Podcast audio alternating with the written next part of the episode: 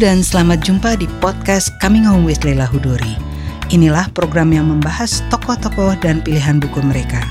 Kami juga mengundang para penulis yang berbincang tentang proses kreatif mereka. Pada musim tayang kedua, kami akan menampilkan debat para tokoh dan buku-buku pilihannya. Program ini diselenggarakan oleh penerbit kepustakaan populer Gramedia, Gramedia Pustaka Utama, Gentle Media Network, dan saya sendiri, Leila Hudori.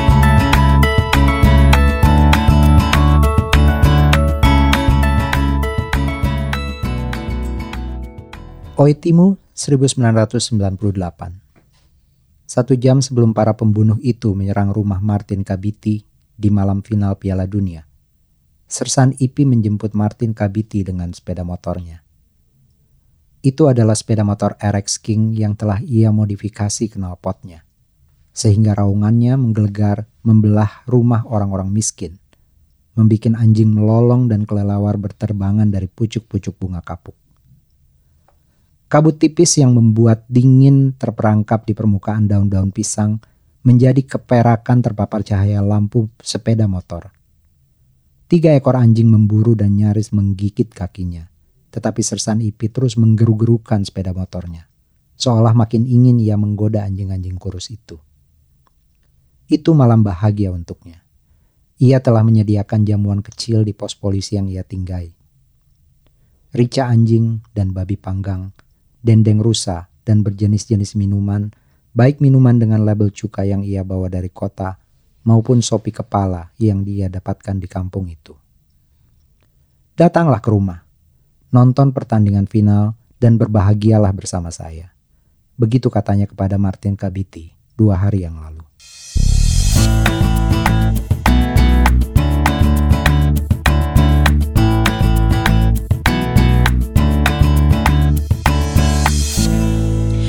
Halo, selamat datang di program Coming Home with Leila Hudori. Kali ini saya ditemani sahabat saya, sutradara terkemuka, pemenang FFI untuk film G ya. Tahun ini tidak tanggung-tanggung ada dua film terbarunya. Yang satu adaptasi dari sebuah film Korea pasti kawan-kawan mendengar udah dengar judulnya Bebas. Dan satu lagi Humba Dream. Selamat siang Riri, apa kabar? Selamat siang.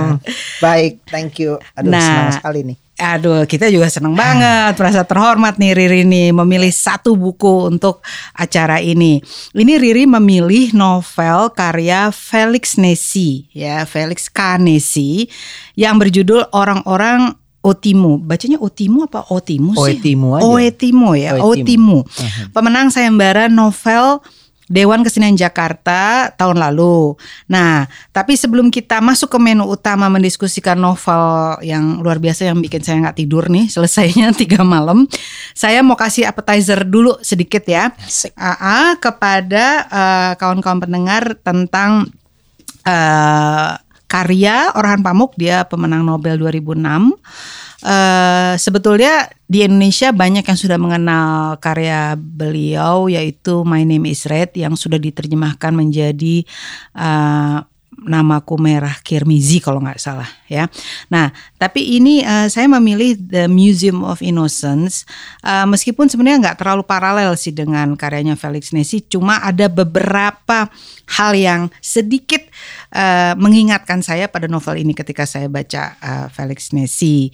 Uh, pertama, ini uh, sebenarnya plotnya sederhana banget. Ini sebenarnya cinta tentang cinta banget udahlah gitu ya. Kalau My Name is Red itu kan very political, ada religious, ada apa. Tapi kalau The Muse of Innocence ini benar-benar kalau semua di strip out itu ya social politiknya ini benar-benar kisah remaja gitu loh. Tapi karena ini Orhan Pamuk jago sekali memasukkan persoalan kelas, ini jadi agak berat.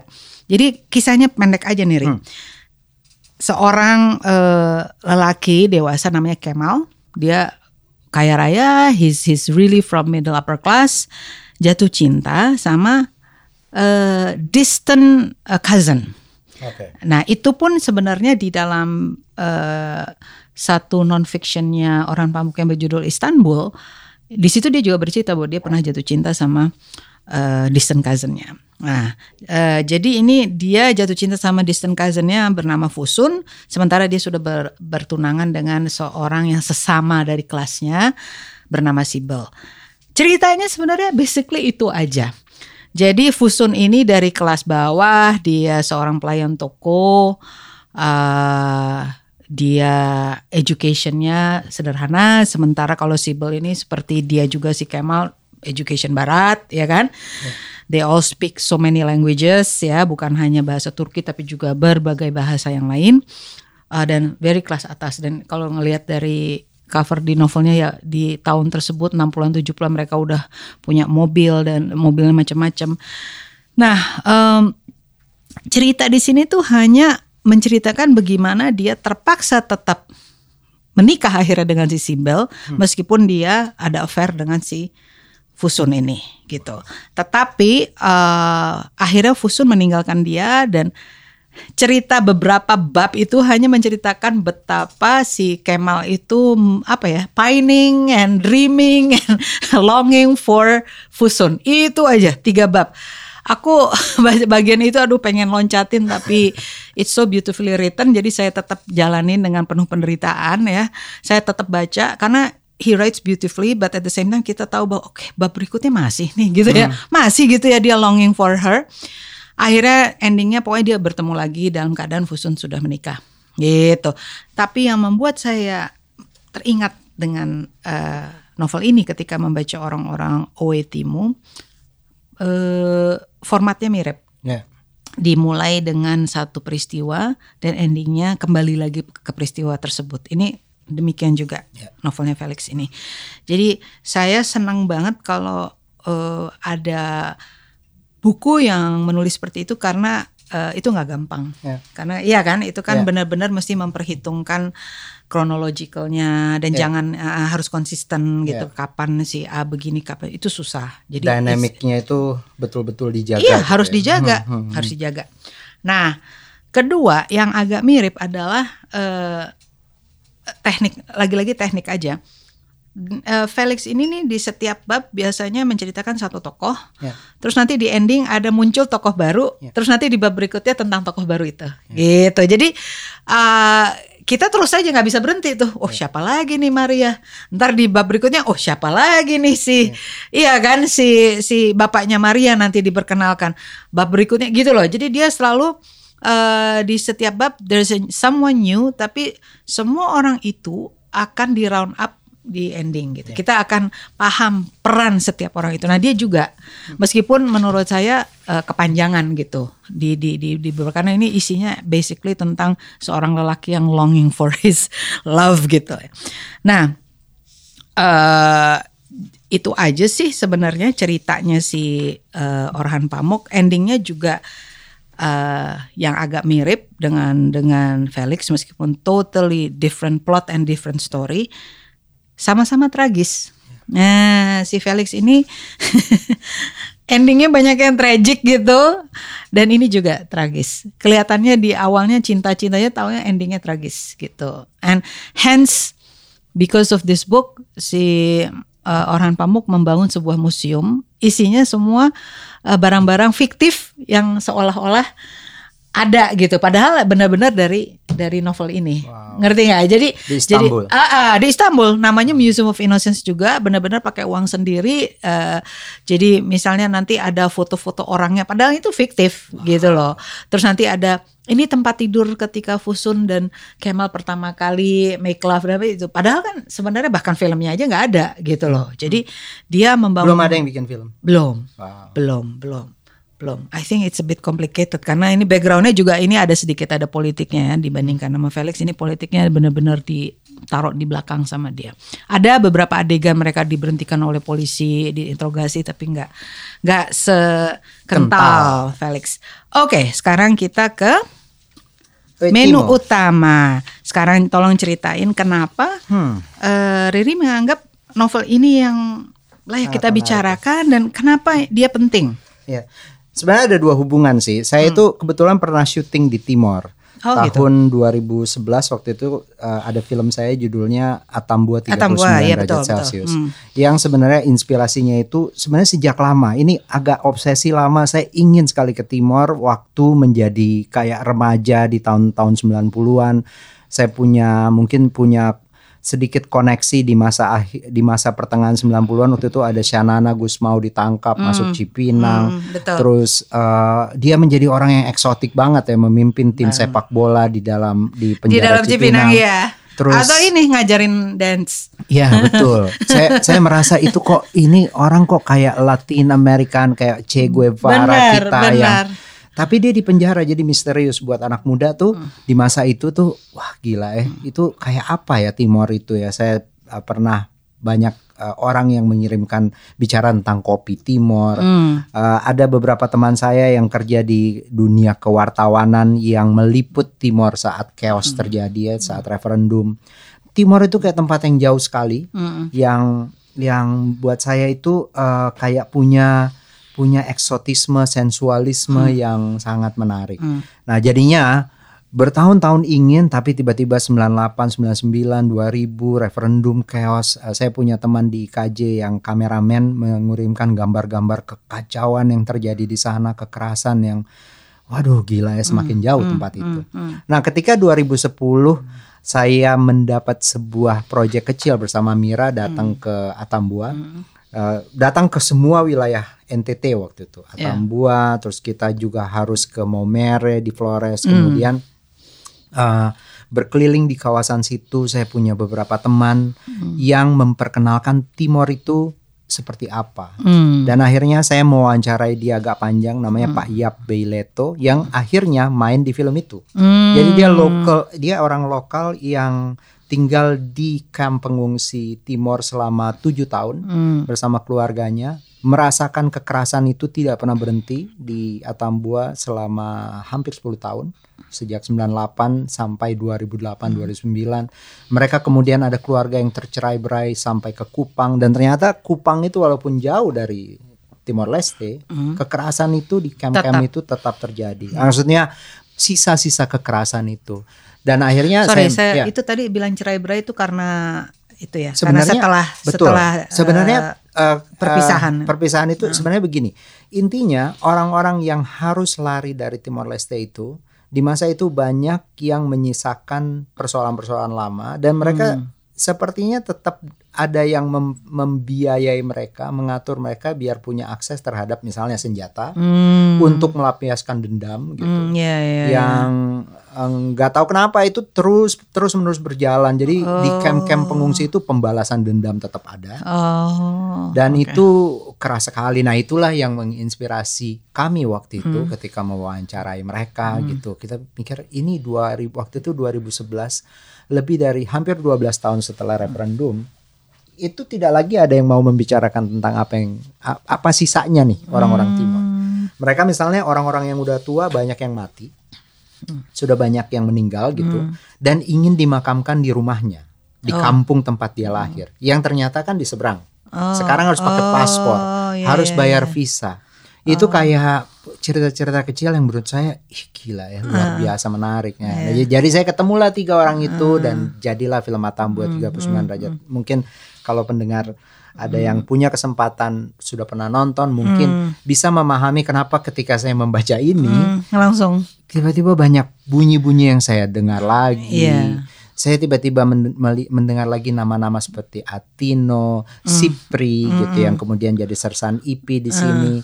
Kemudian nama seperti eh, cerita-cerita seperti Silvi, perempuan an- anak perempuan yang eh, harus berpindah kota karena orang tuanya dia tidak temukan lagi ke mana. Hmm. Cerita-cerita tentang buruh migran dari Timor yang banyak sekali ingin pergi ke Malaysia, kerja di Kalimantan. Hmm, hmm. Dan semua problem yang kalau di permukaan itu kayak problem orang Indonesia biasa. Tetapi di novel ini dengan terampil penulisnya membawa saya ke sejarah Timor. Mm-mm. Bahkan sebelum kolonialisme orang Portugis, Iya, orang Belanda, orang Jepang datang, Hmm. siapa mereka gitu yang yang Sedikit ada satu bagian di mana dia lari ke masa Jepang Si- ya. Ha, ya, ya si- sebenarnya bahkan si si Amsiki itu Amsiki. bertemu dengan eh, eh, apa ya eh, Laura itu itu betul-betul digambarkan bagaimana misalnya ya orang Jepang itu seperti apa karakternya. iya, iya, iya. Yang aduh itu tidak terbayangkan Iya, betapa iya. betapa betapa betapa vulgarnya ya. Iya. Eh, Dan dia betapa perang menceritakannya- dan konsekuensinya itu Dan dia menceritakannya meskipun dengan deskripsi, Iya. tidak dengan tidak penggambaran adegan ya, tapi deskripsi aja dia dari satu tempat ke tempat lain dia digilir oleh Iya. para tentara dan seterusnya. Tapi kita tetap tetap merasakan gitu Betul. loh betapa gilanya itu. Nah, terus Felix, nah itu yang pertama. Hmm, Jadi saya pernah berinteraksi dengan orang Timor, saya Hmm. juga. Da- yang kedua, Felix Nesi ini ternyata pernah ada di Makassar untuk satu kesempatannya Makassar Iya. International Writers Betul. Festival. Betul. Jadi ketika novelnya jadi, yang pertama kali mengirim cover gambar foto eh, novel ini ke saya itu Lili Yulianti Farid, Hmm, eh, partner saya di rumah di Makassar yang bilang kamu harus baca ini gitu. Hmm. Tapi lama tidak sempat. Saya ke ke toko-toko utama seperti toko buku Gramedia sebenarnya di Bintaro dekat rumah kita nggak ada. Hmm. Nggak ada karena ini ini kan indie. Betul. Penerbit indie emang rata-rata eh, mesti OL Betul. belinya. Saya emang. dapatnya di toko buku di Bandung. Di, Oh, ya, atau di toko-toko- Bandung. ya, Ah, Kineruko pasti WhatsApp, ada. WhatsApp, WhatsApp. Akhirnya dapat satu. Saya ke waktu itu. ini mesti ke penerbitnya si Iya, ya. ini gampang si Asik ya. Roni kan. Jadi kita Roni. kita sebenarnya eh, saya saya ketika membaca sedikit perkenalannya eh, ini sebenarnya sangat eh, pantas kita bicarakan Angkat, menurut ya. saya karena eh, sebenarnya tidak banyak kesempatan untuk penulis-penulis dari wilayah-wilayah lain Indonesia Hmm. itu eh, untuk lebih dikenali gitu. Hmm, Eh, dan mungkin juga macam-macam Hmm. latar belak- belakangnya. Kenapa? Entah mungkin ceritanya terlalu subjektif Hmm. atau terlalu kedaerahan gitu. Tapi membaca ini menurut saya ini kayak membaca sejarah Indonesia dari perspektif timur yang berbeda dan berani. Hmm, betul. Sangat berani, nggak tanggung gitu. Ya. Oh, jadi eh, untuk pendengar ki- mungkin saya akan sedikit menambahkan eh, kalau bisa dikatakan plot ya karena dia sebetulnya apa ya eh, dia cara menceritakannya benar-benar em, tidak seperti tipikal tiga babak ya. Betul. Enggak ya dia jadi mungkin kalau bisa dikatakan plot basically ini cerita tentang memang tentang orang-orang Oetimo. Iya.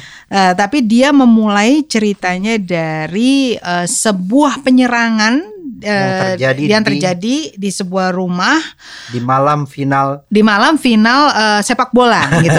Something Brazil yang yang Prancis. something makanya ini something yang yang sebetulnya saya nggak care ya tentang sepak bola. I mean who cares? I don't care gitu. Tapi ternyata a lot of people care di Yeah. sini di Indonesia.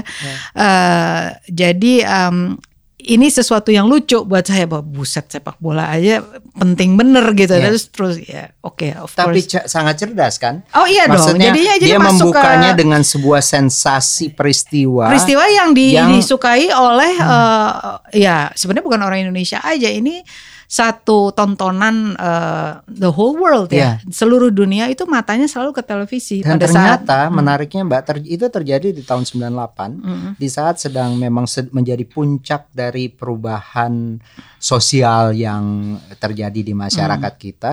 Tapi muaranya juga tetap cerita karakter yang sedang jatuh cinta Iya. dan ingin merayakan Iya, betul. hari yang penting. Hari yang penting, dan karena what dia- a momentum karena Iya. Brazil tim yang selalu menjadi idaman dari banyak eh, orang Indonesia di Kalah tahun ya. kita tuh seneng banget kan sama Brazil Iya. itu kayak kita selalu bisa relate tuh dengan tim sepak bola Brazil, tim sepak bola Argentina. Dia kalah ya waktu itu ya? Dan kalah. Iya, oke. Udah itu itu tahunnya Zinedine Zidane.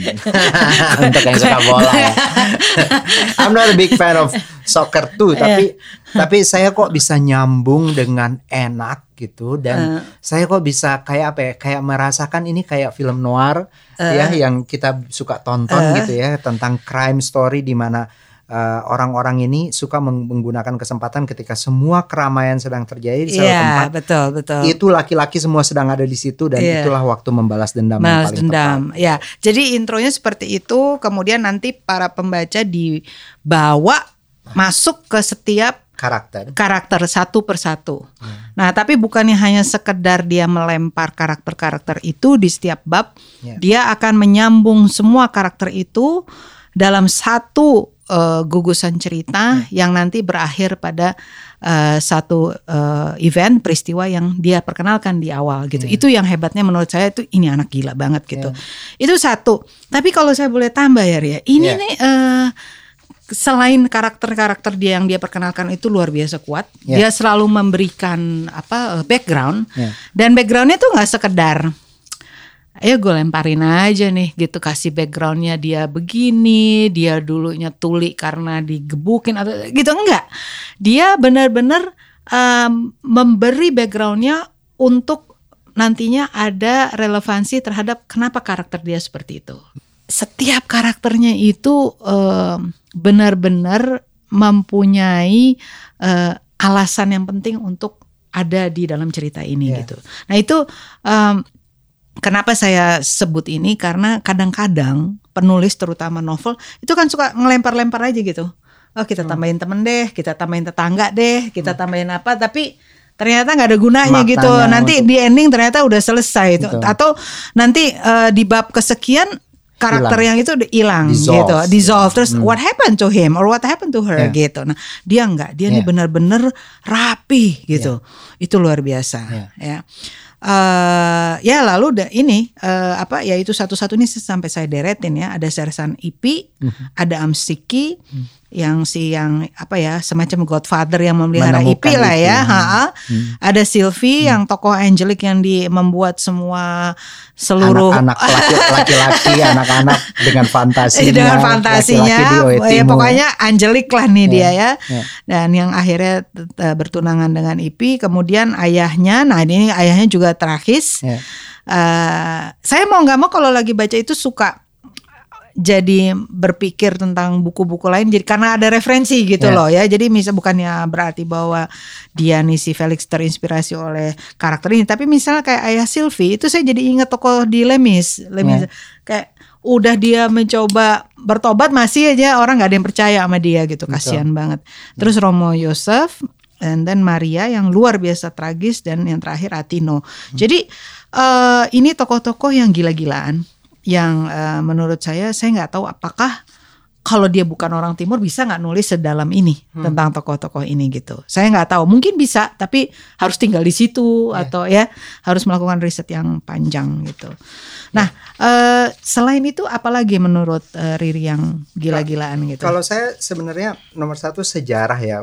Menarik tadi dikatakan mungkin nggak uh, cerita ini ditulis oleh seorang yang bukan Timur. berasal dari Timor yeah. gitu. Saya rasa sulit sekali. Mm. Maksudnya ini yang buat saya sangat menggembirakan mm. uh, membaca ini karena mm. saya melihat bahwa kita tiba-tiba di sam sampai pada kesadaran bahwa uh, setiap um, setiap kita itu sebenarnya punya uh, kelengkapan untuk menceritakan uh, lingkungan kita, budaya yeah. kita, tempat mm. kita berasal. Mm.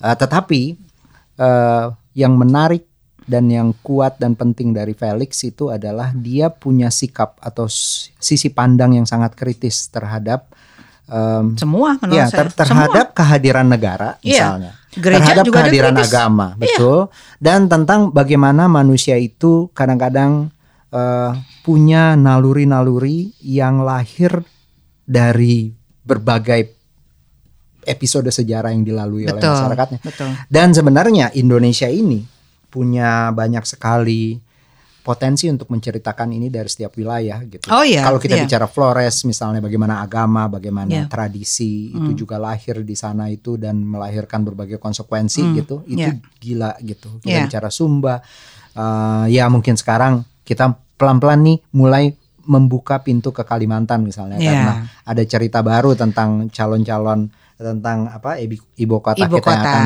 akan datang yeah, akan yeah, terbuka banyak yeah, sekali cerita yeah. tentang itu. Yeah. Di sini saya menurut saya penting uh, sejarah itu uh, tentang pertama kali saya betul-betul bisa paham mudah-mudahan mm, ya mm.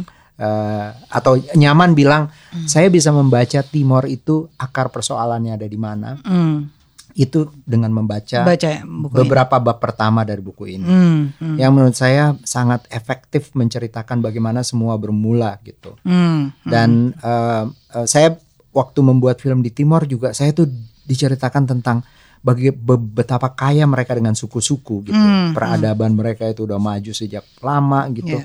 Eh, itu semua kan karena mereka menghargai betul tanah mereka gitu. Di sini diceritakan ada orang yang bisa hidup dari 12 pohon lontar misalnya. Ya. Dia bisa karena memang lontar itu bisa untuk dipakai makan, bisa Iya. menghasilkan gula, bisa Hmm, menghasilkan eh, alkohol mereka. Eh, batangnya bisa dipakai untuk membangun rumah, eh, daun-daunnya bisa dipakai untuk membangun dinding untuk rumah itu. hmm. Nah di novel ini tuh secara elaborate itu bisa Berhasil. di- berhasil Ya. diceritakan. Ya. Terus eh, misalnya humor, Oh gila itu. aduh, kita, saya- kita i- itu hebatnya dia. Menurut saya tuh ya ya selain tadi sejarah, humor, eh, mungkin ka- kalau saya tuh eh, tidak terlalu mau pusing dia dari mana. Kalau saya ya, Nah, karena at the beginning, of course enak dibaca nggak? ya. Gitu. Karena kalau mau menggunakan itu semua bahwa ini dari katakanlah dari Timor atau dari Aceh atau dari mana. Tapi kalau saya di halaman pertama tuh nggak bisa maju, Ya. ah, susah. Ngerti ya? Tuh. Jadi at the beginning it has to be enak dibaca Ya. dan nancep. Ya. Hmm, gitu ya. Itu Ya. kalau bahasa sehari-harinya. Ya. Jadi eh, ini yang terakhir terjadi sama saya ketika saya baca Kura-kura berjanggut. Eh, karya eh, Aceh ya siapa? Ya Aceh, uh, Azhari Azhari Ayu, Ayu. uh, uh, yang juga kita sudah bicarakan yang di, di review oleh Henry, Henry. kemarin Ya. gitu. Itu terakhir saya membaca dan gak bisa berhenti, cuman bedanya itu tebalnya gila-gilaan. Jadi Iya. saya agak intimidated terus terang Oh no, don't worry. Karena karena kenapa? You know what? Ya. Karena juga lancarnya sama kayak ini. Oke, oke. Jadi when you read it nggak bisa berhenti. Right. Cuman bedanya karena dia tebel kita ya selesainya mungkin dua minggu, Ya. seminggu dua minggu karena it's really long. Tapi nggak bisa berhenti sama, sama seperti ini. Saya begitu tadi iya nih orang-orang udah pada nyebut-nyebut tapi oke gitu ya. Begitu saya baca halaman pertama, oh wow, Ya. oh wow, Ya. aduh, waduh gawat nih karena saya banyak kerjaan nih tapi Ya. oh, nggak bisa berhenti Yes. gitu. Nah kalau itu udah tercapai, it doesn't matter uh, apakah itu tentang Timur atau Aceh, saya akan masuk. Ya. Nyemplung gue di Iya. situ. Dan seperti kata Riri, saya terbalik, saya belum pernah. Iya. Ya, jadi saya malah jadi kepingin, Iya. gitu. Jadi saya benar-benar outsider yang, oh wow, I really really want to go and see, gitu, myself ya. Iya. Itu. Terus eh ini nih dia, khususnya Felix ya dalam hal ini, yang kemarin eh, saya bicarakan di beberapa kampus bahwa karena sejarah Indonesia itu belum lengkap atau almost absent ya. Eh, saya melihat di SD, SMP, eh, SMA textbooknya itu hanya mengatakan tahun 1998 eh, Presiden Soeharto eh, mengundurkan diri. Udah, nggak ada penyebabnya, nggak ada soal demonya, Ya. nggak ada kericuhan, nggak ada soal monetary uh, crisis di uh, tahun 97 kan itu kan semua mulai startnya demo itu kan ketika ada monetary crisis itu nggak ada. Cuman Ya. dikatakan 98 presiden mengundurkan diri. That's it. Ya. Sehingga kan eh, angkatan-angkatan anak saya dan anaknya Riri semua ya kalau misalnya cuma baca itu ya cilaka kan Iya, gitu kan iya. ciloko gitu nah jadi eh, mau nggak mau saya mengatakan mungkin kalimatnya Seno Gumira Aji Dharma yang yang menyebutkan bahwa ketika jurnalisme dibungkam sastra bicara itu kemudian harus ditambahkan dengan dengan eh, apa absennya sejarah ya absennya penulisan sejarah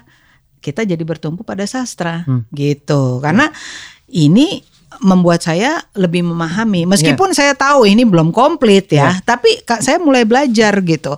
Oh begini ya perasaan orang-orang yang eh, sebetulnya dia itu di situ tapi kemudian dia eh, merasa beralasan untuk berpihak kepada Indonesia Iya. kan ada tuh Iya. seperti Atino Ya. atau sebaliknya seperti Maria Ya. ya yang dendam karena keluarganya habis Ya. ya atau seperti Sersan Ipi Ya. ya dia sebenarnya keturunan Portugal kan gitu loh jadi eh gila-gilaan ini Felix tuh eh, dia menurut saya dia fair dia kritis sama semua Betul. dia kritis sama Portugal Ya. ada satu bab khusus tentang Julio kan gitu Ya. ya yang dari Ya. Portugal atau Tentang Julio bagaimana bahwa itu itu terjadi karena kekacauan sistem kudeta politik di mereka sana, juga, kudeta di kan sana. mereka kudeta terus Berde- mereka oke bergerak we're just gonna leave our Iya. colony kan gitu Iya. terus udah didiamin dan mereka nggak mau pusing Iya. nah terus kemudian eh, ini Portugal terus Indonesia Iya. obviously itu pasti kritis nah Tentara kemudian maksudnya. Iya, ya kan, itu kan harus ada go-nya dari Iya, pemerintah iya, juga iya, lah, iya, iya kan. iya. Kemudian uh, semua dia kritis gitu loh Iya. sama semua gitu. Dan dan nah tapi ada satu bagian yang saya mau tanya sama Riri. Iya. Ada di beberapa bagian yang dia kelihatan agak service for newcomers, new newbie ya, Hmm. menjelaskan Partai Apodeti itu ini, Iya. Fretilin Fretilin itu no, apa, UDT, ini ini, aja ini, Iya. no, no, pokoknya ada lah beberapa halaman yang menjelaskan situasi politik dengan apa ya, sedikit hampir menyentuh kayak Wikipedia. Ya. Tapi nggak nggak nggak nggak nggak segawat Wikipedia, cuman maksudnya agak ini begini ini begini. Itu saya selalu uh, mencoba hati-hati karena saya juga historical Yes. fiction juga, saya juga oke jangan sampai gue kayak ngejelas-jelas. Oke bagian itu Riri gimana? Merasa itu memang bagian yang tetap berasa novel atau agak menjelas-jelaskan? Menurut saya sih cukup cukup apa ya cukup efisien ekonomis sih. Ya. Eh, karena tetap dia eh, menjaganya di dalam cerita karakter. Maksudnya karakter lah yang eh, Yang membuat dia, gitu. ya, ya, Eh, ya. untuk untuk supaya se- secara karakter Ah. kegelisahan dia, misalnya tokoh Julio itu adalah Ah. tokoh yang berada di dalam circumstances atau kecamuk Hmm. situasi politik. Tadinya dia orang yang hanya ingin Kerja berada aja. di kerja aja Ah, dan ah. siapa tahu pulang sana pangkatnya naik Iya, gitu. betul. Tapi dia untuk masuk untuk kita bawa dia masuk ke sini eh, termasuk dengan keluarganya yang akhirnya Iya. melahirkan Laura yang adalah ibunya Sersan Ipi. Ah. Kita akhirnya melalui itu eh, memahami Ma- itu. ah, melalui penjelasan Betul. bahwa ini ada tiga partai ini loh ya gitu. Uh, kemudian CNRT atau kekerasan Timor, orang-orang yang menjadi gerilyawan yang Hmm. masuk yang adalah grupnya uh, Shanana Gusmau Iya. itu diceritakan oleh Atino. ya Kan, betul. Uh, jadi kalau saya, saya merasa ini semua proporsinya masih tepat Masih, dan tetap oke. tetap bicara tentang apa ya naluri-naluri manusia yang berada di dalam perang. Hmm. Nah, eh, atau di dalam situasi perubahan Konflik. politik gitu. Hmm, konflik Maksudnya politik. Hmm. ini kan kita selalu baca ya. Saya bahkan kemarin itu sempat membaca satu buku apa kayak foto booknya eh, Eric gitu ya. Ah, Yang bicara Eric tentang Prasetya. yes, bi- bicara tentang bagaimana di masa reformasi pun orang-orang itu cenderung gairahnya tumbuh gitu. iya. Nah, saya pikir Timor ini yang digambarkan Felix itu meng- eh, ini kita akan masuk ke bagian lain dari buku ini yang sangat menarik gitu tentang seks gitu ya. Eh, dan posisi perempuan gitu di dalam di dalam cerita gitu. Ya. Memang tergambar sekali itu gitu di dalam penceritaan politik gitu. Iya, iya. Bicara soal sejarah sejarah kekerasan dan dan uh, gila sih dia memilih episode-episodenya misalnya tahun 74 eh, tahun 98 ya eh, di awal cerita yang menjadi awal dan akhir cerita. Kemudian kita flashback ke belakang ke Lisbon apa Portugal tahun 74. Kemudian kita mulai masuk ke masa pra kolonial ketika sebelum sebelum Belanda kemudian Betul. transisi Jepang gitu. Dan eh, kemudian kita masuk lagi ke cerita Atino yang dimanfaatkan Hmm. untuk menjadi bagian dari kekerasan Orde Baru di tahun 84 gitu. Hmm. Yang ada hubungannya Ya. dengan Petrus saya rasa. Ya. Jadi dan tiba-tiba kita ada di Jawa gitu. Dan wah gila Hmm, itu itu em, jadi di di dalam novel yang berapa ya? Berapa kurang lebih 200 halaman Iya, cuma nggak ya. Nggak nyampe, nggak nyampe 220. 220 Ah. halaman menurut saya Hmm. sih eh, anak ini sangat ekonomis Iya, gitu ya. banget, banget, banget. Eh, Eh, ceritanya atau saya nggak tahu aslinya gimana apakah Disunting? Hmm. eh, ya apakah Roni eh, melakukan penyuntingan besar apa enggak nanti kita tanya Iya. bisa tapi eh, ini hasil jadinya ini Iya. luar biasa ekonomis nih Iya. Ah, tapi saya mau tanya hal lain yang eh, kita kan udah memuji panjang lebar tapi Iya. saya juga pengen tanya eh, sebenarnya ini bagian pujian juga sih ya Hmm. Eh, bahwa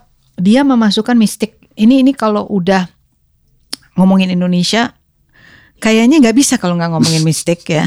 Nggak karena memang memang uh, uh, gimana ya tradisi kita memang ada elemen itu. Yeah. Ya. Uh, saya termasuk orang yang tidak percaya dengan mistik dan selalu kalau udah mistik yang like oh my god gitu ya. Tetapi memang nggak bisa enggak gitu. Yeah. We are a part of this culture ya. Yeah. Nah uh, ini nih uh, Felix memasukkan mistik ini um, sebagai bagian dari babnya si Amsiki yeah. yaitu uh, orang yang memelihara atau katakanlah godfathernya yeah. uh, Sersan IP yeah. ini menurut saya jadi agak-agak ada elemen apa ya uh, magis gitu yeah. ya uh, yeah. uh, sedikit gitu ada yeah. magis yang justru menurut saya kekayaan dari apa yang disebut novel kalau ini, ini kan orang dikajinya bilang apa sih etnografis ya kalau saya bilang novel Indonesia gitu yeah. itu kekayaan novel Indonesia yeah. gitu ya menurut uh, Riri gimana misalnya kayak untuk di film ini susah loh yeah. bagian ini yeah. gimana Aduh.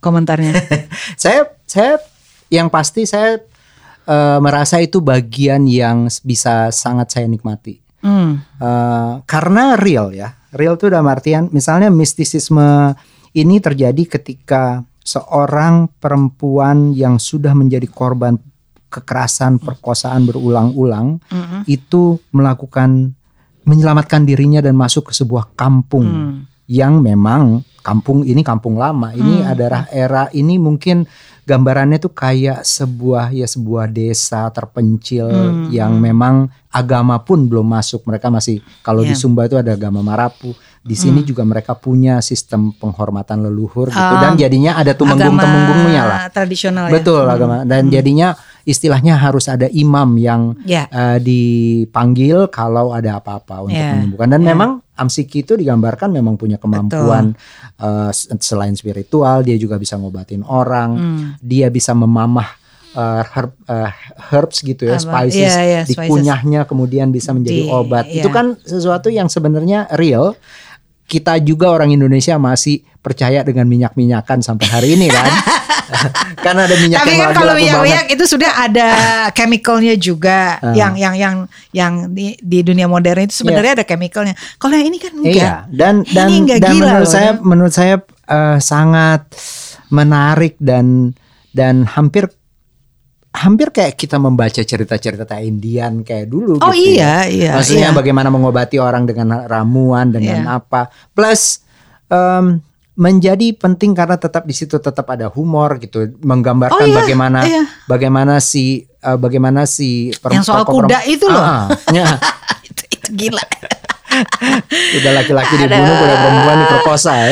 Aduh, aku aku ini bagian tapi saya percaya gitu yeah. bahwa it happens gitu. Yeah. Itu yang hebatnya dia bahwa ini mistik sesuatu hal yang yang yang sangat tidak rasional yeah. tapi somehow uh, we believe that happens yeah. gitu. It, it does. Saya sedikit mau kasih analogi ya. Um, ada novelnya Asa Sergar yang terbaru hmm. yang menang uh, beberapa penghargaan. Uh, judulnya Menolak Ayah. Itu keluarga Batak. Baik. Nah, ada satu elemen seperti ini juga di uh, satu bagian di mana si tokoh utamanya itu ketika remaja apa gitu masuk ke uh, ini apa kampung tradisional dia menyangka dia cuma tiga hari di situ tetapi ketika dia keluar dari kampung ternyata. itu ternyata uh, Indonesia udah merdeka Ngerti nggak? Jadi dia dia waktu masuk jadi uh, konsep time-nya antara si orang-orang di kampung itu yang disebut begu itu begu seperti orang ini deh apa makhluk gitu yeah, ya. Yeah.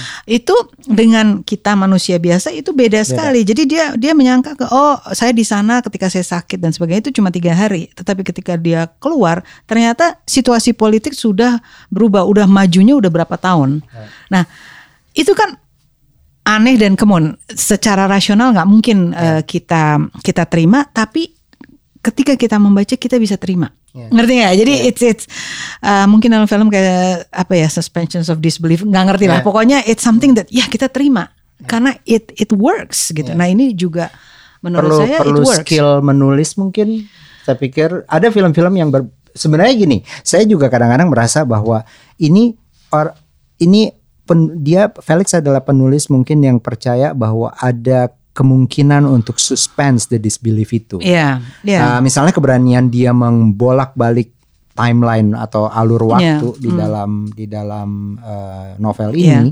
uh, menurut saya itu menunjukkan bahwa memang dia punya keyakinan yang luar biasa bahwa kata itu atau kalimat itu bisa atau karakter yang Hmm. ditulis dengan baik itu bisa membawa kita pergi sebentar Mm-mm. ya Mm-mm. betul-betul mengikuti Mm-mm. kisah Tahun 74 di Portugal Betul, gitu kan habis itu kita pindah lagi ke era ini itu itu kalau kita bisa dengan nyaman mengikutinya eh, dengan kuat dituliskannya atau di, dia bisa menikmati penulisannya itu mungkin. Nggak waktu dia masalah. menulis Hmm. itu tidak masalah dan itu tergambarkan gitu maksudnya pertemuan Amsiki dengan dengan Laura. Laura itu eh, dan bagaimana mereka berprogres ya dalam Amsiki menyembuhkan perempuan ini sampai dia siap untuk melahirkan dan setelah dia melakukan tugasnya itu dia siap mati Hmm. itu itu ya beyond Iya. eh, Iya banyak banget tuh. hal gitu itu mistisism iya, gitu Itu mistisism banget. Iya. itulah yang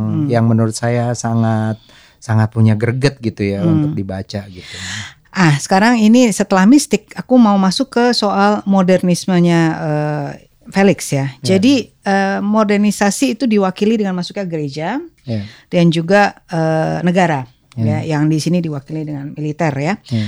eh dia itu betul-betul mencoba, menurut saya ya, dia mencoba nggak mau hitam putih. Dia semua pihak dia dia kritik. Ya. Ya Portugal dia kritik, Indonesia dia kritik, eh, tokoh-tokohnya yang memihak ke sana kemari dia kritik semua Ya. gitu. Ro- Romo Yosef menurut saya kelihatan banget ya, biarpun dia eh, apa sih ada satu saat kelihatan nih Romo Yosef nih dia bikin eh, Hero, apa ya, eh, seperti jaga. hero, Iya. tapi kemudian belakangan halo ya kan, bukan soal eh, hasrat aja ya. Kalau hasrat sih itu kita udah sering dengar gitu ya. Tapi juga persoalan hmm, ini nih, misalnya ketika dia ditugaskan atau dia minta ditugaskan ke tempat yang terpencil, dia ingin menghukum dirinya sendiri kan. Terus dia mau me-revive SMA eh, Santa Helena. Hmm. Di situ dia bikin proposal kepada orang-orang kaya untuk yuk kita dirikan sekolah. Itu penggambarannya si uh, Felix itu agak sarkastik menurut Iya, saya iya, iya, iya. bahwa uh, oh gampang sekali kalau mau minta uang Untuk gitu ya. agama. Ini nih saya bacain sedikit. Uh, hal pertama yang dilakukan Romo Yosef adalah mencari penderma yang mau membiayai pembenahan sekolah yang terlantar itu. Udah panjang lebar. Kemudian dia menceritakan bagaimana bikin aja lah surat dengan bahasa yang perih mendayu-dayu menghujam ke jantung. Jadi sarkastiknya tuh lucu. Terus ini ini ini sarkastik yang kalau dia nggak hati-hati bisa jadi sinis. Dia bilang gini, orang-orang itu orang-orang cepat jatuh hati pada kemiskinan dan selalu ingin jadi pahlawan. Mereka membaca proposal itu dan berkata, marilah kita bersyukur sebab kita tidak terlahir miskin. Ini ini ya eh, bagian ini tuh memang benar banget ya bahwa eh, orang-orang seperti Romo Yusuf, ah udahlah gampang. Ini banyak orang yang kepengen muncul dan kelihatan ya kan penderma. Jadi kita tulis surat ke mereka. Tapi at the same time mungkin karena kita nih udah udah mungkin dua kali lipat ya us- usianya dari Felix. Juga mulai hey hati-hati juga. Karena sometimes mereka memang tulus. Ada yang tulus ada yang ada yang memang pengen pengen kelihatan eh gua membantu orang gitu ya. Iya. jadi saya agak khawatir oh, jangan sampai jadi sinis nih anak nih gitu ya. Karena kalau udah sinis tuh kan udah udah nggak lucu gitu. Tapi dia di sini masih di area sarkasme gitu. Iya. ya. Jadi eh, pendapat Riri gimana bahwa dia itu kelihatan kepingin apa ya, bukan netral, kepingin berimbang. Nah, jadi dia nggak pengen kelihatan oh gue memihak satu pihak, enggak, dia kepingin ini pokoknya semua ini kacau, ini ini si ini kacau, negara itu kacau, negara ini kacau, semuanya kacau gitu. Iya. Saya setuju sih. Intinya memang modernisme itu membawa perubahan eh, tetapi kemudian kita juga harus sadar bahwa akan ada konsekuensi-konsekuensi mungkin ada orang yang menunggang di balik itu gitu misalnya itu itu dia mungkin sudah punya sikap terhadap itu sebagai penulis. Jadi dia mungkin betul dia sudah sarkastik. Saya pernah membaca satu quote-nya Felix di wawancara gitu. Saya sudah tidak punya harapan pada apa pun. Waduh, pesimis banget ya. Oh. Tapi sebenarnya kalau melihat humornya, kemudian melihat bagaimana dia menikmati uh, fenomena-fenomena global seperti sepak bola Iya, gitu iya. itu sebenarnya meng- menggambarkan bahwa dia sebenarnya orang yang sangat terbuka. Dan karena itu dia bisa sarkastis dia bisa menangkap terbuka ironi. pada pada optimisme maksudnya Iya, terbuka sepertinya pada sih. Ya maksudnya kalau kita bisa bayangkan sekarang misalnya dia masih mau belajar pergi ke Belanda. uh, ke Belanda Hmm. untuk uh, residensi. presidensi gitu. Saya pikir ini pasti dia juga melakukan sebuah penelitian sejarah yang cukup elaborate untuk bisa menuliskan misalnya seja- sa- satu episode sejarah Timur di era uh, masuknya Portugis gitu. Hmm, hmm, Jadi um, mungkin sebagai penulis dia cukup punya kelengkapan hmm. untuk punya sikap yang terbuka dan tidak berpihak terlalu apa ya membabi buta terhadap penderitaan orang Timor saja. Iya. Tapi dia lihat juga bagaimana orang Timor itu sebenarnya punya uh, Humor. banyak ah, gitu loh banyak hal-hal ini yang terjadi karena konsekuensi mereka misalnya uh, terlalu percaya pada mistisisme Hmm, tadi iya, gitu iya. ya terhadap agama dan tradisi mereka Iya. yang kadang-kadang membabi buta gitu. Hmm, hmm.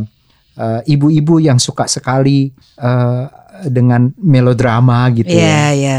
Itu mah Ah, di mana-mana tuh kalau ibu-ibu meloda. Kan itu kan kita sesuatu yang kita iya, kayak iya. ini ini cerita ini orang orang-orang ini mirip sama ibu kisah Iya ibu makanya saya. menurut saya ini nyambung Iya. sama relate sama sama culture di mana pun Betul. nggak harus hanya timurnya Indonesia tapi juga di di mana pun di Indonesia karena eh, karakter-karakternya apa pun backgroundnya itu nyambung menurut saya Iya. it relates eh, to us gitu dan hasrat setiap orang itu juga gitu Iya.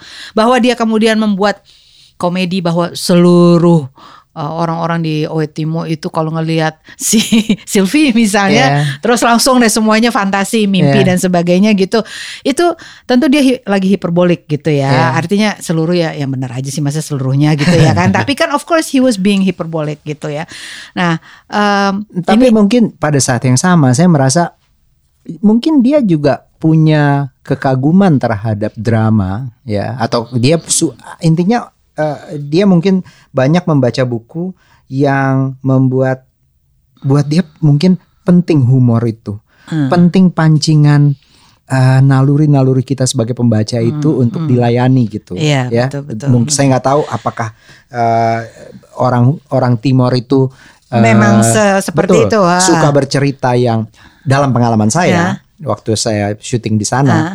Beberapa tokoh di dalam film saya itu memang suka banget cerita-cerita yang Hmm. apa ya eh, humor mereka itu ti- sangat tinggi misalnya mereka dengan dengan santai sekali bilang aduh bapak orang Timor itu kalau makan nasi Hmm. itu eh, tidak pernah cukup hanya satu kadang-kadang kita bikin gunung dulu nasi yang penting gunung dulu nanti lauk-lauknya sedikit makanya saya kalau datang ke warung Padang dia cerita saya kalau ke Jakarta makan di warung Padang itu itu kan kalau kita makan di warungnya nasinya kan sedikit Iya, sekali ah. ya saya dari awal sudah minta tambahan tiga dulu kata. Jadi orang-orang eh, mungkin mirip dengan banyak banyak eh, masyarakat di timur Indonesia yang memang punya punya humor tentang diri mereka sendiri itu yang yang sangat eh, rileks gitu Iya. diceritakan.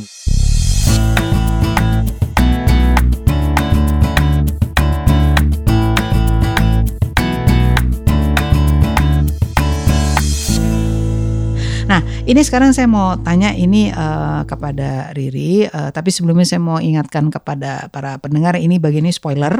Eh, terpaksa kita harus omongin. Ya. Jadi kalau bagi mereka yang ingin membaca dan nggak kepengen dengar spoiler, silahkan di pause dulu atau di percepat ya. Ini bagian spoilernya nih ada ada tiga. Ya. Yang pertama eh, tadi kan Riri udah sebut soal seks ya. Ini Ya. eh, seksnya cukup adegan seksnya cukup banyak Ya. dan cukup eh, terbuka. Ya. Saya akan mengatakannya terbuka. Mungkin ada beberapa orang menganggap vulgar. Kalau saya sih bilangnya terbuka gitu Ya. aja ya.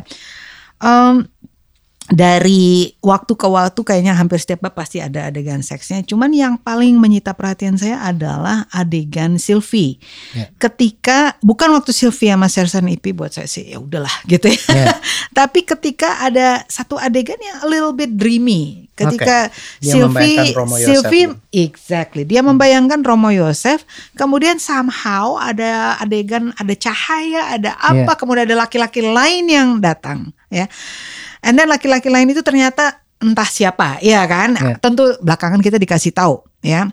Nah, ini eh, buat saya nih bagian yang menurut saya nggak real. Dalam arti Hmm. eh, secara realistis seorang perempuan pasti kalau dia uh, sebegitu inginnya uh, berhasrat untuk bercinta gitu dia mestinya tahu gitu itu itu siapa di depan dia gitu nah ini dia membuatnya ini agak apa ya agak blur gitu bahwa as if Sylvie antara tahu atau nggak tahu terus kemudian ada cahaya kemudian si lelaki juga ngerti ya yeah. ya antara mimpi atau enggak kemudian sementara di sebelah sana ada Romo Yosef yang lagi sakit ya kan dan yeah. mengerang-erang nama Maria itu saya agak tidak teryakinkan ini kritik hmm. saya saya nggak hmm. teryakinkan really can can masa sih uh, masa sih sebegitunya gitu ya saya saya agak tak nggak teryakinkan nah Uh, coba deh mungkin Riri dari hmm. sisimu bisa bisa mencoba meyakinkan saya bahwa itu kalau bisa saya aja tuh, happen.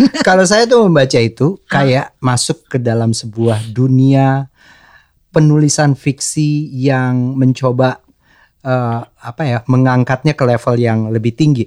Maksudnya gini, bukan hmm. lebih tinggi sih. Hmm. Kayak atau malah kadang-kadang ini mungkin mempermudahnya gitu, mensimplifikasi juga.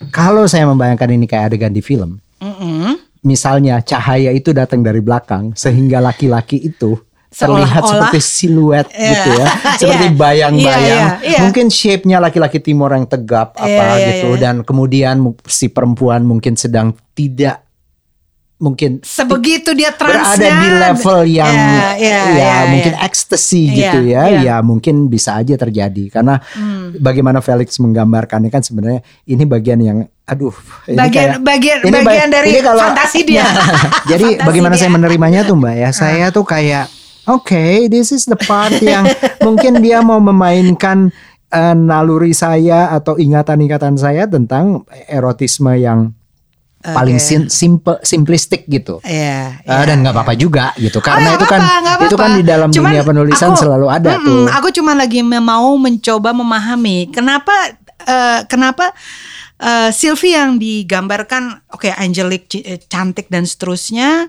dan uh, it seems like she can choose dia dia seperti bisa memilih uh, ya kan dia memilih tapi kok begitu ketika dia sedang tiduran dan membayangkan Romo Yosef. lalu ini ada laki-laki yang ya terus dia kayak bukan nyerah tapi, sih, tapi tapi nakal loh mbak. Nakalnya kenapa? Karena ketika dia ber, pertama kali bertemu dengan Sersan Ipi di dapur itu, sebenarnya hmm. dia membayangkan Romo Yosef gitu. Iya, iya. Terus iya. tiba-tiba ini kayak menjadi kayak ya kayak iya, elit, jadi lingkaran, ah, yang, kayak lingkaran. Yang, yang sebenarnya ini kurang asem nih anak. Ya. Kayak dia membuat kita uh, melihat bahwa ini dan episode di dapur memasak sambil telur ceplok terus membicarakan telur. Itu kan kayak apa ya? Kayak uh, iya nggak sih? Terus habis itu mereka nah ini kritik saya kedua di bagian ini nih waktu uh, Sersan Ipi dan uh, Sylvie uh, akhirnya uh, bersenggama di, di bercinta pertama. di pertemuan pertama di dapur itu uh, ini menurut saya dia maskulin sekali. Dalam okay. arti gini tadi saya udah sampaikan bahwa maskulin dan penggambarannya yang sampai dia dia umpamakan dengan mesin jahit, I mean yeah. gitu ya. It's like okay, this is so masculine karena si Felix ini menggambarkan betapa perempuan ini luar biasa puas dan yeah. perempuan ini luar biasa orgasmnya tuh sampai bisa meledak ke dunia yeah. gitu. Yeah. Yang menurut saya ini lelaki banget deh karena selalu ingin membayangkan perempuan itu sebegitu hebohnya ketika bercinta dengan dia gitu yeah. loh. Padahal kan in real life enggak deh ya.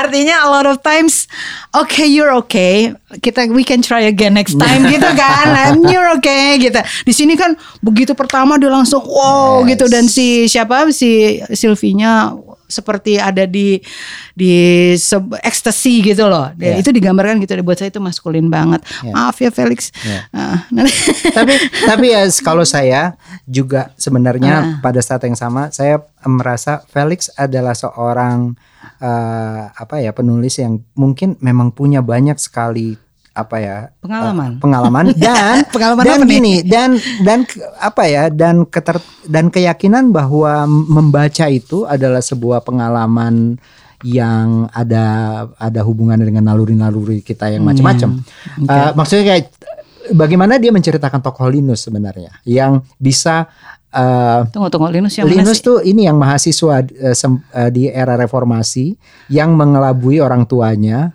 uh, bahwa dia masih kuliah Oh, padahal sebenarnya ya sebenarnya dia iya iya iya ya, ya. dia, dia dia juga bersambung dia mengelabui dengan untuk eh, apa kuliah Betul. yang minta duit terus Betul, ya ya ya dan ya, dia ya. bergaul dengan polisi. Dia sebenarnya Ya, agen dia menjadi agent ya informan polisi Informan. di masa reformasi gitu. ingat ingat saya Dan kemudian eh, bagaimana si Linus ini misalnya eh, bisa membius perempuan sampai 13 orang korbannya Iya, gitu. iya. Itu agak- itu kan itu kan imajinasi eh, Felix. Felix yang Hmm. Yang sangat ya tentu dia punya posisi untuk menjelaskan ini. Iya. Tapi menurut saya itu kayak kita lagi-lagi masuk Hmm. ke dalam sebuah dunia eh, yang yang se- agak sejalan tuh dengan Iya, ceritanya iya, Sylvie iya. dan Sip si- eh, apa eh, Sersan Ipi gitu. iya Jadi novel ini punya juga sisi-sisi yang melayani apa ya naluri-naluri pembaca muda misalnya yang kita suka temui di dalam novel-novel yang kita baca ketika kita berumur 19-20 tahun gitu. Hmm. Yang ya it's something real tapi pada saat yang sama bermain dengan imajinasi nakal uh, banyak anak muda gitu ya. Hmm. Dan dia dia umur berapa sih sekarang sih? Gak tahu saya, tapi eh, maksud saya gini, iya oke, itu memang real bahwa lelaki di usia sebegitu memang mempunyai keinginan eh, begitu tinggi Iya. dengan dengan eh, hasrat seksual yang tinggi, Eh, tetapi Felix me, apa ya, me- mengabulkan fantasi-fantasi itu dalam bentuk adegan-adegan yang seolah-olah real gitu, Iya. yang menurut saya really gitu ya bahwa karena uh, buat saya there's no way waktu ketika awal-awal terus langsung jebret langsung wow gitu ecstasy dan gitu ya. Tapi ya oke uh, i- tentu dia mempunyai hak untuk melakukan itu. Tapi uh, saya dan bukan saya sendiri saya tahu teman-teman perempuan yang membaca ini bahwa aduh di bagian ini dia agak maskulin deh gitu ya. It's like oke he's a man gitu ya si Sersan Ipi a man gitu. Nah di di sisi lain eh tapi saya ini, ini bukan kritik cuman saya merasa eh, pedih dan dan dan Ya. anjlok hati saya ketika begitu banyak eh, apa yang kandas yang tragis Ya. nasibnya semua hampir semua banyak gitu yang bunuh diri yang di yang yang dikelewang yang diperkosa berkali-kali yang itu itu itu berderet-deret gitu. Eh, bertumpuk-tumpuk. Tapi meskipun buat kita tuh this is too much 200 pages full of ya kan full of kemalangan itu real soalnya. Kalau buat Iya. saya itu real. Indonesia itu terjadi. Iya. atau di berbagai negara lain gitu ya eh, eh, yang yang masih kacau balau ininya ya Eh, apa penyelesaian penyelesaian sejarahnya tuh masih kacau itu ya seperti itu gitu. Jadi saya nggak protes karena memang Israel. Nah bagian ini meskipun memang tiap bab wah ya kan? Dia mati dia dia entah dibunuh atau dia diserang atau iya kan? Iya.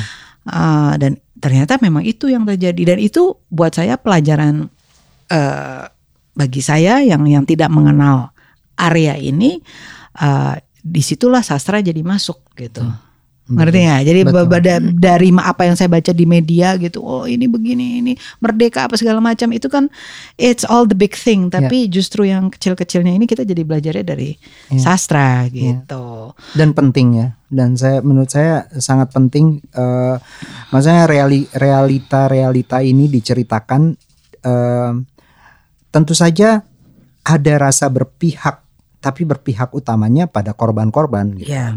Bagaimana politik eh, penjajahan Hmm. eh, tentu saja kemudian agama dan negara yang berkuasa itu Betul. eh, konsekuensinya kadang-kadang terlalu keras untuk warga gitu Hmm. untuk orang-orang yang sebenarnya percaya akan sesuatu gitu Hmm. dan eh, di novel ini dia kadang-kadang kita bisa kita di, kita diombang ambing gitu dan Hmm. itulah misal sebenarnya kan drama yang membuat kita bertahan Iya. dalam bentuk apa pun pertunjukan Iya. film Iya. ketika membaca sebuah buku Hmm. ketika dia dengan baik mengombang ambingkan kita gitu di Hmm. dalam di dalam berbagai emosi perasaan Hmm, dan hmm, dan mengikat jadinya kan Hmm. engage kita gitu Iya. Ya. Nah, sekarang saya mau ngomongin ini karena tadi kan Riri bilang penting dia dari timur. Eh, saya menganggap juga eh, Azari Ayub itu ya, satu bintang baru yang uh, meteorik ya uh, Azari Ayub lalu dia si Felix. Sebenarnya satu lagi kan juga ada ya dari timur Faisal Odang. Ya. ya dia juga uh, artinya saya lagi ngambil orang-orang yang kira-kira uh, usianya sama gak sih mereka ya mirip-mirip ya kurang, Kurang lebih, lebih, mereka in their twenties ya. saya nggak tahu Azari umurnya berapa nanti kita google lebih senior kalau Azari. sedikit lebih Ah, senior ah. ya, tapi lebih muda dari saya lah. Cuman maksudnya ini eh, tiga nama nama yang yang yang yang perlu, perlu diperhatikan kalau Ya. mereka mengeluarkan eh, karya baru itu eh, definitely harus beli ya. Oke, eh, sekarang kita masuk ke audience question. Eh, mudah-mudahan ini belum kita bahas ya sebab kadang-kadang apa yang kita udah bahas terus ditanyain di sini. Eh, pertama dari Ed Siti Abida, benar tidak jika film yang diangkat dari buku akan menurunkan minat baca orang terhadap buku tersebut? dalam eh, langsung dijawab nih. Ya. Di dalam pengalaman saya melihat malah sering Kebalik ya? sekali dimanfaatkan untuk menarik kembali perhatian Exactly. pembaca yang baru terhadap novel Ya. tersebut dan itu sering terjadi gitu. Hmm. Eh, malah kalau di dalam strategi eh, istilahnya pemasaran eh, buku kadang-kadang dibikin cover baru Hmm. Iya, yang, yang mengikuti filmnya poster posternya. atau misalnya ada semacam blurb baru yang sekarang didasarkan pada menjadi dasar dari sebuah film box office atau Yeah. film uh, yang dirilis. Jadi sebenarnya um, tergantung kalau filmnya sukses sekali dia akan bisa meningkatkan menarik perhatian lagi gitu. Uh, tetapi kalau filmnya misalnya atau proses adaptasinya misalnya dianggap um, Hmm, nggak berhasil. nggak berhasil ya dia dia sulit di untuk dijadikan angle Betul. untuk memasarkan kembali Hmm. uh, karya buku tersebut gitu. Ya. Eh, saya sedikit tambahin Ya. ya. Eh, ka- sebenarnya eh, dalam hal saya sendiri malah kita bikin film pendek dalam rangka dalam rangka mau launching gitu loh. Ya. Jadi mau launching laut bercerita terus kita malah bikin film pendek gitu untuk acara launchingnya. Eh, dan sampai sekarang udah di, diputar di so many places gitu di Indonesia maupun di luar negeri karena eh, jadinya orang sekarang ingin bahas novel dan film pendeknya gitu loh. Jadi menurut saya itu satu simbiosis mutualisme yang yang menarik gitu loh antara dunia film dengan bukunya. Saya saya nggak nggak setuju tuh bahwa itu malah menurunkan minat baca gitu. Sama sekali enggak gitu. Eh, Oke, pertanyaan berikutnya Siva Lutfi. Siva Lutfi tapi pakai Y belakangnya at Siva Lutfi. Bagian mana dari proses pengalihan medium buku ke film yang paling sukar? Hmm. Jadi alih wahana atau adaptasi. Aku lebih senang bilang adaptasi sih. Adaptasi itu yang paling sukar mana, Ri? Dalam pengalaman saya, pengalaman kami di Miles itu sebenarnya melakukan kayak apa yang disebut misalnya penyuntingan ya, kayak mencoba memilah bagian mana dari sekian ratus halaman itu yang kira-kira paling nomor satu esensial, kemudian paling secara sinematik tepat gitu untuk diceritakan. Dimasukkan ya. Karena eh, esensial itu dalam artian tentu saja kami sebagai pembuat film atau saya sebagai pembuat film tentu saja tetap ingin memastikan bagian yang paling kuat dari eh, novel tersebut, dari buku tersebut, dari karya tulis tersebut itu harus ada di filmnya, Oke. ya kan? Itu istilahnya ide pokoknya atau Iya, the, iya. the premise gitu Iya, dari novel betul. itu harus ada.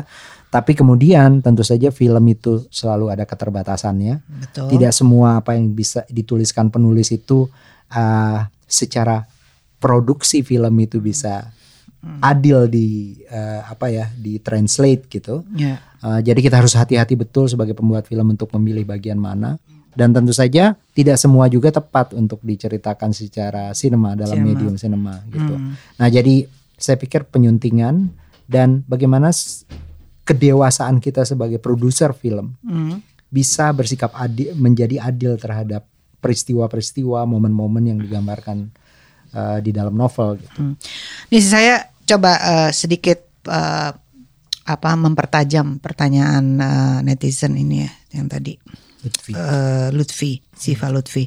Misalnya kita kasih contoh aja eh, Laskar Pelangi dari novel ke film. Hmm. Endingnya itu kan lain banget ya. Iya. Ah, ah, kayaknya kalau nggak salah saya ini udah lama sekali bacanya itu kan endingnya sebenarnya eh, apa ya masing-masing anak-anak itu kalau nggak salah dibikin dewasa ya atau Iya. lebih bes- udah lebih dewasa dari ketika mereka masih di awal novel dan ada yang tragis kan Iya. ada yang nempel aja sama ibunya kalau nggak salah tuh ada satu tokoh yang terus saja sama ibunya sampai di rumah sakit jiwa atau Iya, apa gitu ya betul. Hmm. Ah, terus uh, lain-lain ininya, nasibnya lain-lain dan uh, not all of them are, uh, are are having a happy ending. Iya. Sementara kalau di film kayaknya ya Riri membuat sebuah ending film ya. Saya lupa gimana sih Ya endingnya. intinya karena pencerita utama naratornya adalah Ikal, Jadi kita dia fokus menggambarkan pertemuan kembali Ikal dan Lintang. Udah Ikal dan Lintang Dewasa. dewasa udah Betul, dewasa. betul. Ikal dan Lintang dewasa. Di yang di pinggir pantai ya? Apa di Betul, ya di pinggir pantai, kan ya? Kemudian Lintang mengajak Ikal melihat anak perempuannya. Iya iya iya ingat ingat ingat Bahwa- sekarang. Nah, jadi jadi dua dua itu ya yang Ya. di difokuskan. Ya, Nah, difokuskan. sekarang jadi pertanyaannya kenapa eh, kenapa eh, Riri melihat ending itu tidak apa ya, tidak cinematic enough atau apa gitu Hmm. untuk dimasukkan menjadi endingnya film? Ya nomor satu mungkin sama. Itu itu adalah ending yang mungkin di dalam di dalam novel itu bagian terakhir siapa mereka sekarang Hmm. itu yang kemudian kita pilih kurang lebih kayak sirkular kan kita sebenarnya kan kita menggambarkan bagaimana tokoh Ikal kembali ke kampungnya kemudian bertemu Oh iya diawali dengan saling dia. pandang kemudian Ah, si Lukman kembali Sardi ya. Nah, Lukman betul Sardi. betul Kemudian betul kita betul. mengikuti cerita semuanya Iya, iya, sampai iya. akhirnya kita kembali And lagi dia- ke ending betul, betul, ke betul. awal itu Betul. Um, itu adalah strategi bercerita yang kami pilih ketika Hmm. itu untuk menceritakan novel ini dan tentu saja menceritakan semua tokoh anak ini membutuhkan banyak. waktu Oh, yang iya, panjang. iya. Dan sebenarnya betul itu esensinya cuma ada dua. Ada yang nasibnya beruntung Hmm. dan ada yang nasibnya kemudian menjadi lebih ya tidak seberuntung yang lain gitu. Ya. Tapi intinya semuanya itu adalah bisa diceritakan oleh tokoh-tokoh ini. Hmm. Nah, sebenarnya di dalam skrip ada gambaran gitu bahwa teman-teman yang lain tuh ada yang tinggal di sana, ada yang tinggal di sini, ada yang menjadi ini, ada yang menjadi Ah. guru, guru olahraga gitu. Tetapi akhirnya dia bisa menjadi lebih menyentuh Hmm. secara dramatik kalau betul-betul digambarkan lebih intim antara Ikal dan Lintang. Instead of in a dialogue Betul. gitu. Dan ya, kita ya. sudah kita sudah bisa bayangkan. Dan saya percaya kemungkinan besar seperti yang terkait dengan pertanyaan pertama, Hmm. no buku film ini mestinya bisa memancing penonton untuk yang belum membaca Iya. novel untuk membaca, Membaca. novelnya Hmm. atau mem- menjawab emosi atau sisi emosi dari pembaca yang sudah apa pembaca pembaca Laskar Pelangi. Hmm. Yang penting sinemanya itu melayani emosinya. Hmm. Karena kekuatannya film itu ada di situ. Hmm. Dia tidak bisa sedetail sastra atau novel, Hmm, tetapi iya, dia iya. bisa menyentuh emosi kita lebih kuat Iya, ketika iya, kita karena berada di langsung. ruang gelap itu Hmm, gitu. Jadi ya kurang lebih sih akhirnya itu gitu. Iya. Kita memperjuangkan yang lebih la- lebih layak diperjuangkan secara film Iya, iya, gitu iya, daripada iya. harus memilih, semua, harus memilih. Betul, Ah. betul. Wah, ini eh, Siva Lutfi ini jawabannya panjang nih. Kayaknya jawaban untuk saya sini yang paling panjang nih selama ini. Oke, sekarang eh, kita hampir mencapai di ujung eh, program podcast ini. Eh, pertanyaan yang biasa saya tanyakan pada tamu-tamu saya. Buku apa yang eh, paling mengesankan, yang betul-betul melekat di dalam diri Riri selama selama ini, selama Iya. hidup ini? Iya. Oke, banyak gitu ya. Tapi mungkin saya tuh selalu punya apa selalu kembali nih ke buku-buku tertentu gitu. Hmm. Iya. Dan Dan salah satu yang paling sering saya kembali itu adalah harimau-harimaunya Hmm, Motar Lubis. Motor Lubis. Karena menurut saya em, apa ya dia kayak kayak cerita em, cerita aksi sebenarnya cerita Hmm, kayak kayak kita betul. kayak kita masuk ke dalam sebuah dunia laki-laki yang mengalami petualangan, menjalani sebuah petualangan Hmm. gitu dan menghadapi sesuatu yang si- physically nyata yaitu harimau di sebuah belantara hutan Hmm. belantara gitu. Tetapi pada saat yang sama kemudian semakin saya dewasa membacanya, Hmm. semakin saya kembali dengan pengalaman-pengalaman baru saya dalam hidup Hmm. entah itu waktu uh, misalnya memilih profesi mau menjadi pembuat film, Hmm. kemudian menikah, kemudian punya keluarga, punya anak yang mulai Hmm. remaja Hmm. gitu. Setiap Hmm. saya kembali saya dilengkapi gitu Hmm. dengan pengalaman memahaminya yang Hmm. yang lain. Hmm. Terus yang kedua, buku itu sebenarnya sangat sinematik gitu, Ya, sangat visual dan juga sangat ya sinematik itu dalam artian punya potensi Untuk, Untuk- diangkat. ba- memberi saya pengalaman baik itu yang sifatnya visual maupun Hmm. audio gitu. ya. Hmm. Hmm. Eh, jadi apa penulis itu eh, Mohtar Lubis itu bisa memberi saya kekayaan imajinasi Hmm. gitu ya. Hmm. Eh, misalnya kalau di film itu kita ngomongin sound design, misalnya. Hmm. Eh, bagaimana musik bisa main di sini Hmm. Dan dia hadir gitu Yeah. di dalam novel itu. Hmm. Nah, jadi itu gi- gitu. Dan saya memang punya semacam obsesi dengan belantara Pengen, gitu. ah, Nah, dan saya suka sekali. ya? Ah, saya pengen banget sih. Tapi waktu itu kita saya ngobrol sama Mira gimana nih Mir. Terus kita sempat ngecek gitu kepemilikannya tuh ada ada di mana. Ah. Wah, complicated banget, Mbak. Minta ampun. Jadi Oh. memang memang ada pihak yang membeli kemudian berpindah ke sini dan akhirnya dimiliki oleh satu kayak satu satu entity yang terlalu besar gitu Oh. Yang mungkin kita harus bekerja sama untuk bisa mem- untuk mem- kalau mau film ini. membuat itu. Oke. Tapi ini kan tidak terlalu berhubungan dengan film sih. Menurut saya dia sebagai buku saja. Oh iya sebagai iya iya iya. bacaan. Enggak, saya cuma curious aja kenapa nggak jadi karena saya tahu dari dulu Mm-mm. Riri kepengen banget kan Kepengen mengangkat banget ini. Oke. Oke, eh, sebelum nanti Riri kita todong membaca, Ya. karena harus membaca nih. eh proyek terbarunya Riri apa aja atau eh, Ya. Miles apa aja? Iya tahun ini kan tahun yang cukup panjang Sibuk, rasanya ya em, karena ada dua film Humba ah, Dreams dan karena Bebas, Bebas, yang ya. kita rilis dan dalam dua skala rilis yang berbeda tentu Iya. saja.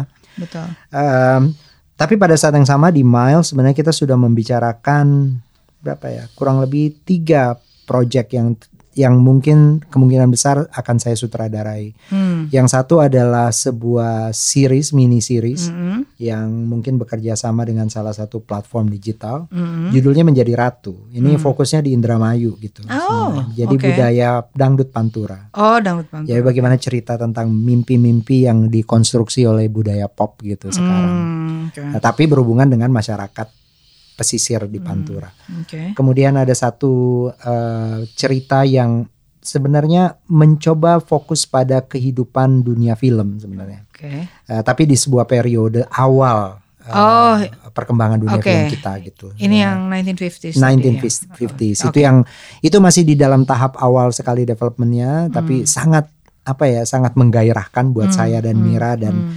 eh, kami gitu Iya. membayangkan ini karena ini mungkin dunia yang sangat yang sangat apa ya sangat relevan karena Iya. kita orang film Hmm. eh, Senang musik. senang musik dunia film itu mulainya di tahun 50-an baru dua tahun kita selesai revolusi tiba-tiba ada sekelompok orang yang membuat film itu buat buat saya tuh selalu fascinating gitu Hmm, hmm. sama ada satu project yang merupakan sequel dari sebuah film saya yang dulu Yang ini dulu. masih Iya. sangat ini juga sangat Yang penasaran lihat Instagramnya aja api- susah bener. apinya udah mulai dinyalain Ya. gitu dan sangat asik gitu Ya, dan saya oke.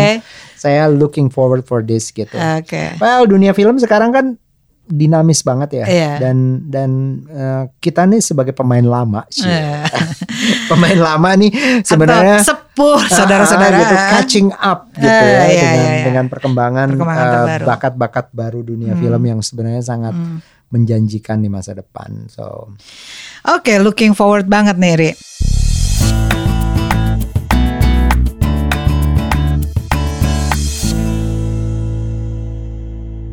Sungguh bahagia Sersan Ipi mendapatkan Sylvie seutuhnya. Perempuan itu tidak hanya akan menjadi pacarnya, tetapi juga akan segera menjadi istrinya. Menjadi perempuan yang melahirkan anak-anaknya. Sungguh bahagia Sylvie mendapatkan Sersan Ipi. Akhirnya ia akan punya seorang suami sebelum perutnya benar-benar membesar.